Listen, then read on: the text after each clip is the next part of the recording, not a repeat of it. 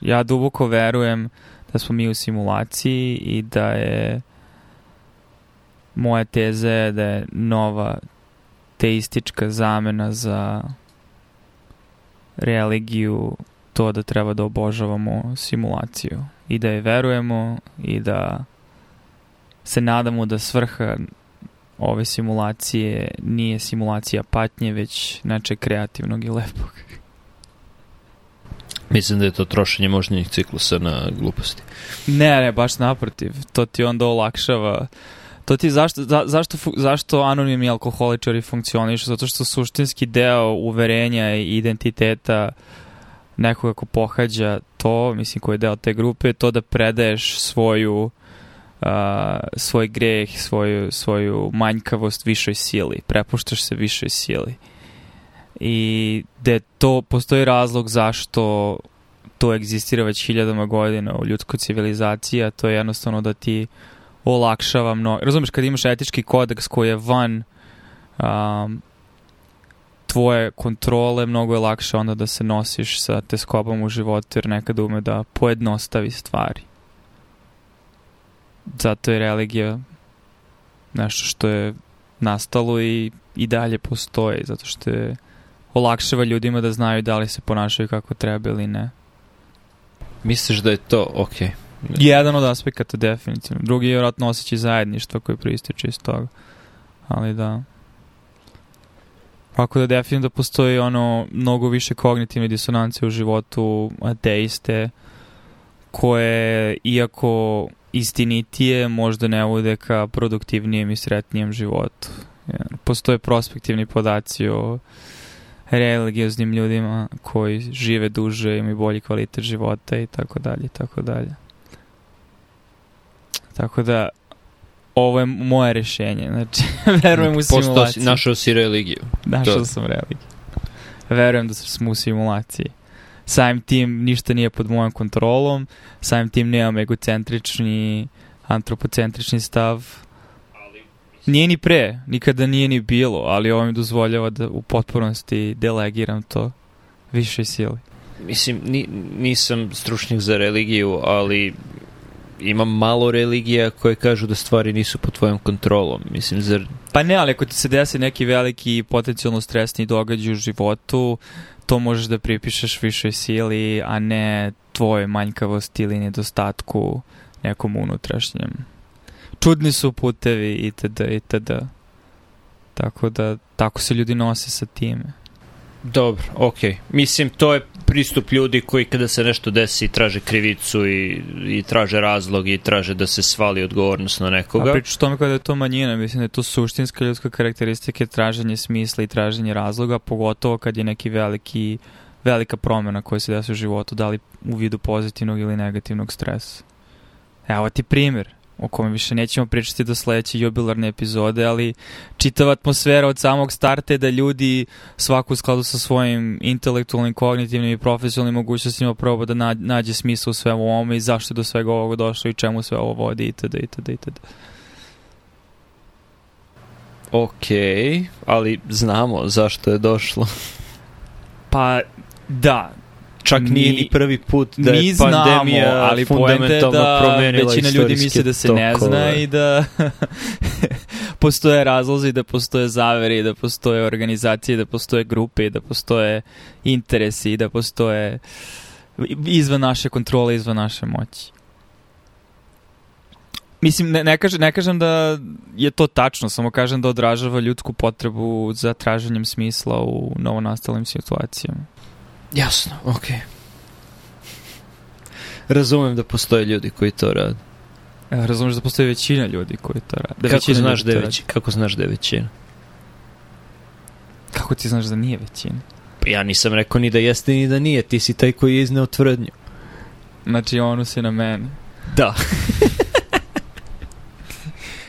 Pa ne znam, znači iz mog e, empirijskog iskustva kao jedinki u interakciji sa ljudima svaka priča, pogotovo kada se tiče velikih životnih promjena, često poprima kontekst traženja razloga i traženja smisla u svemu tome. Gotovo da je ono aksijom, ono, da je duboko svojstveno ljudskom biću da traži smisao oko sebe. Tako smo baš dereni. Ne bit, pokušaj da se odupreš simulaciji, to, to je razlog tvoje simulacije. Ti Nema, se sim, odupireš ne- nema simulacije, ne više. Nema. Ako je sve simulacija, onda ništa nije simulacija. Sle, okej, slažem se, ali... Postoji dobra šansa da jeste simulacija. Ali to ne menja apsolutno, mislim ne bi trebalo da promeni apsolutno ništa u, u tvom životu. Ne menja. Osim toga da možda može da se simulira život posle smrti. Ne menja samo što menja. Mislim, Pa ne, sad, sad, sad mi je pao na pamet šta menja, zato što svi ćemo umreti jednog dana, tako da se ništa ne menja. Naši at- atomi će se rastvoriti, više neće biti ojevičeni svesnošću koji ih manipuliše njima, ali možda simulacija odluči da nastavi da produži tvoj život i da simulira pakao posle tvog života. super. Dobro, znaš za taj tehnički- koncept, da li želiš da ti izložim taj koncept, možda nije dobro. Zašto kao na, poput mima ili mentalnog virusa, jer kad ga jednom saznaš, onda više ne možeš da se otrgneš tome. Kaži. A, Less Wrong, website, onaj, Da. ono, još pre deci, mislim, ima sigurno između 5 i 10 godina kad sam prvi put čitao i kad je to otprilike izašlo, bilo se u pitanju vratno rane 2010, ali oni se jako bave tim, znači veštačkom inteligencijom, za, za razvojem principa ka razvoju um, dobroćudne veštačke inteligencije, znači strahuju jako od zloćudne veštačke inteligencije, a jedna od stvari, jedan od koncepata koji se provukao i postoji jako popularan se zove takozvani Rokov bazilisk, gde um, odlukom, ako znaš da će doći do nastanka veštačke inteligencije koja će moći da simulira potencijalne buduće svetove na entom stepenu, znači milioni potencijalnih budućnosti, a, moraš sa tim znanjem da usmeriš svoj život da u određenom smislu investiraš svoje vrijeme ka razvoju veštačke inteligencije, jer ako to ne uradiš, veštačka inteligencija može da odluči da napravi simulaciju tebe koja će večno patiti, zato što nisi uložio svoj život u razvoj nje, te samim tim ovo je potencijalno tvoja simulacija koju ćeš ti patiti, te samim tim moraš da investiraš svoje vrijeme u razvoj veštačke inteligencije. I samim tim što znaš tu činjenicu, znači da, ne, da, da si grešan i da moraš to da uradiš, inače ćeš patiti. Ili tvoja verzija simulacije će patiti. Wow, a koliko veštačkih inteligencija može da stane na vrh jedne igle? Mislim, u pitanju je mentalni eksperiment, znači kao paradoks, ništa više od toga, ali je zanimljivo da kogod ovo sluša sada, ako ne investira svoje vreme u razvoj veštačke inteligencije, će imati verzije sebe koje će večno patiti. Ko primi ovu poruku, a ne prosledi je Da, naš da, pet bukvalno. adresa. Bukvalno je to. na šta smo spali? Na šta smo spali od vrhunske, vrhunskog intelektualnog podcasta sa uh, naučnim razgovorima i obradom Ok, ne, ja znam, radova, ja, prešli jako, smo ja, na šta ono što shvatam, znajući te dovoljno dugo je da kada o nekoj temi imaš unapred određen stav, jako je teško pristupiti njoj i, i jako, jako si zatvoren po pitanju istraživanja, a, ispitivanja a, daljih na tu temu, tako da ću se uzdržati od dalje diskusije. Koje dalje ispitivanje na tu temu? Mislim da bilo šta što, što bilo koji napor utrošen na to da li je ovo simulacija i šta možemo raditi da je to apsolutno gubljenje vremena. Jer ako jeste, onda kao deo simulacije ne možeš da utičeš na parametre iste, a ako nije, tek onda gubiš vreme. Zaš, Da. zašto se onda uopšte baviti time? Je to tvoja ideja da je to moj stav? Ne, Da je to teza koju To je branim? moj odgovor na to da sam zatvoren prema tvojoj ideji. Za, zatvoren sam prema toj ideji zato što je glupa. Mislim, zatvoren sam prema glupim Ok. idejama. Ok, ok. Ne, znači, ovo samo da malo pojasnim. Znači, ja ne mislim da treba trošiti vreme, ja sam donao svoju odluku. Mi smo u simulaciji i razrešio sam gomilu životnih problema tim. Upravo si potrošio moje vreme. Hvala, ne više. Ok. S obzirom da ti jako kvalitetno provodiš svoje vreme koje nikada nije u intelektualnom samozadovoljavanju, već je vrlo smisleno i uvek usmjereno ka nekom cilju koji ostvaruje efekat na stvarnost oko tebe. Apsolutno. Cilj je da kuća ne bude u haosu.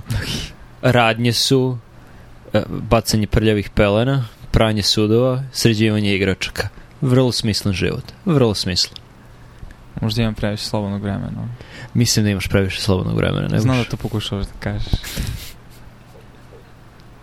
Slobodno možda i sečiti ovaj segment o simulaciji, ako ti je... ne Ko bi pitak. to slušao uopšte, naravno. Ne, ono o čemu sam ja hteo da pričam, a, nečemu što je mnogo bitnije za, za život ljudi i za intelektualni život svakoga, a to je serija na Apple TV Plus a, Ted Lasso. Jesi Da. gledao? Gledali smo zajedno, da. Gledam. Dobra je serija.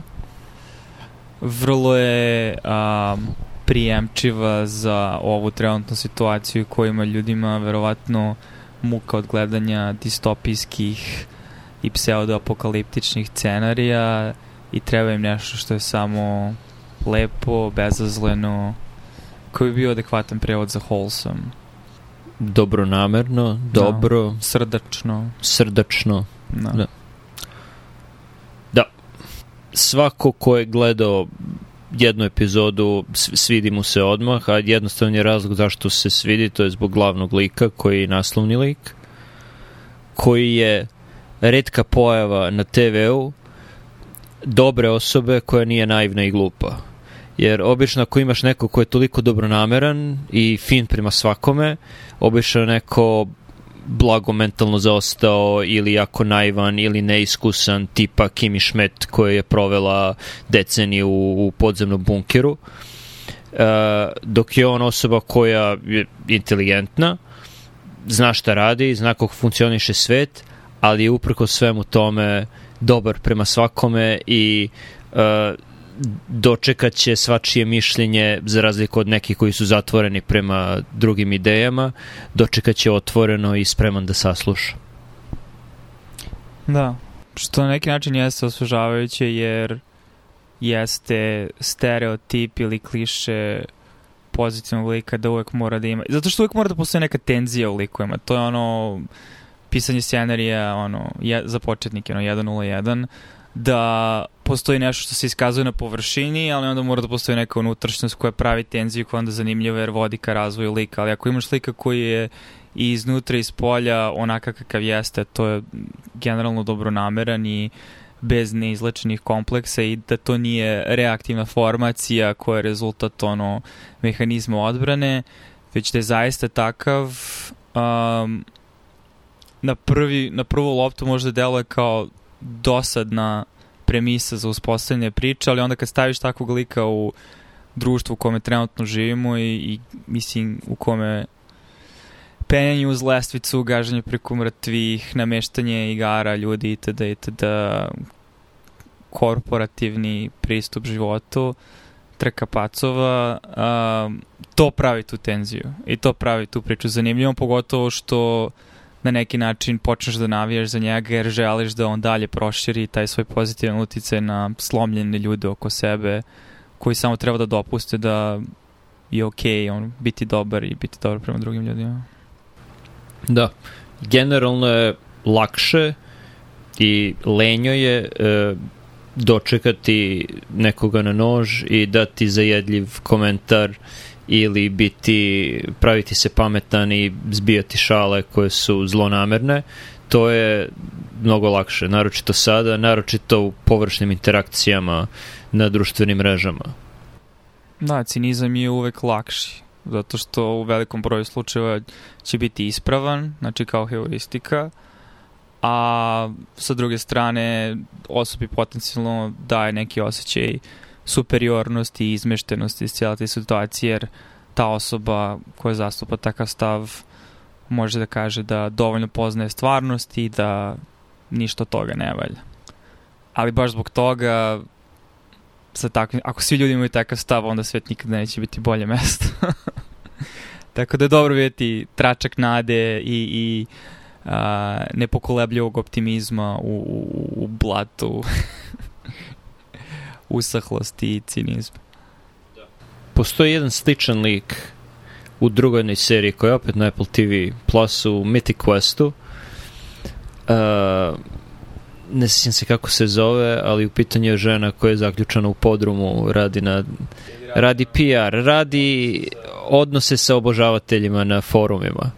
Tako da je ona jedna generalno dobronamerna i pozitivna osoba, duboko religiozna, koja mora svakog dana da se bavi sa da se bavi napadima i uvredama i Ali mislim da baš zbog toga je to razlog zašto su napravili takvog lika, je zanimljiva ta tenzija između toga da jedan od najodvratnijih poslova je znači ili da radiš u call centru ili da radiš u ono, customer serviceu ili da imaš interakciju sa užarenim fanovima online igrice da staviš nekog ko je tako dobro čudan jer tačno znaš kako izgleda njihov svakodnevni dan to je kako izgleda njihova svakodnevica gde sigurno ima gomilu interakcije sa ljudima koji zbog depersonalizacije kroz sredstva komunikacije koje koristimo se vratno služi vrlo ružnim rečnikom i mnogo više dopuštaju sebi nego što bi u interakcijama licem u lice. Naročito kada su iz anonimnih naloga. Da. Ali ono po čemu se razlikuju je što se kod nje vidi neuroza koja se, koja se približava psihozi i ta tenzija mnogo više utiče na nju.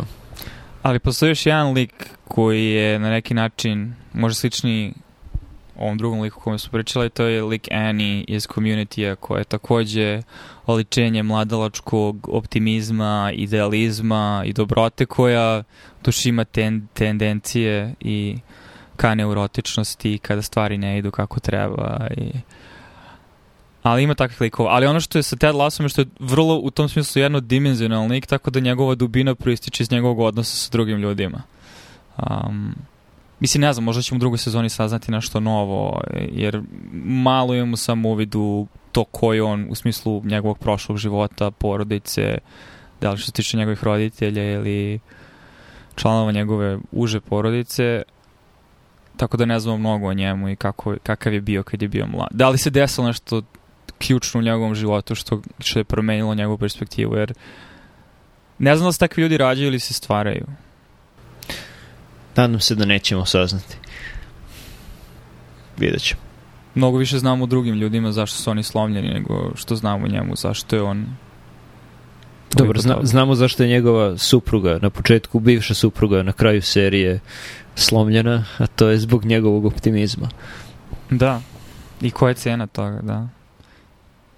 Da li, da li možda postoje ljudi koji ne mogu da reaguju pozitivno na taj optimizam, nego ih to podsjeća na njihovu unutrašnju nesavršenost i manjkavost i samim tim pravi dodatni jaz, produbljuje taj jaz između ljudi.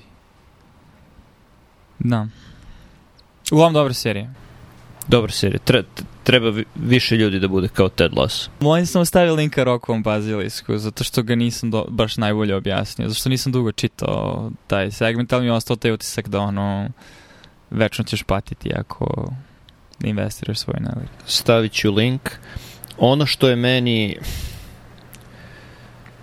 Steven Wolfram je dosta pisao o tome, ova debela knjiga Da, ovde, znam. A New Kind of Science.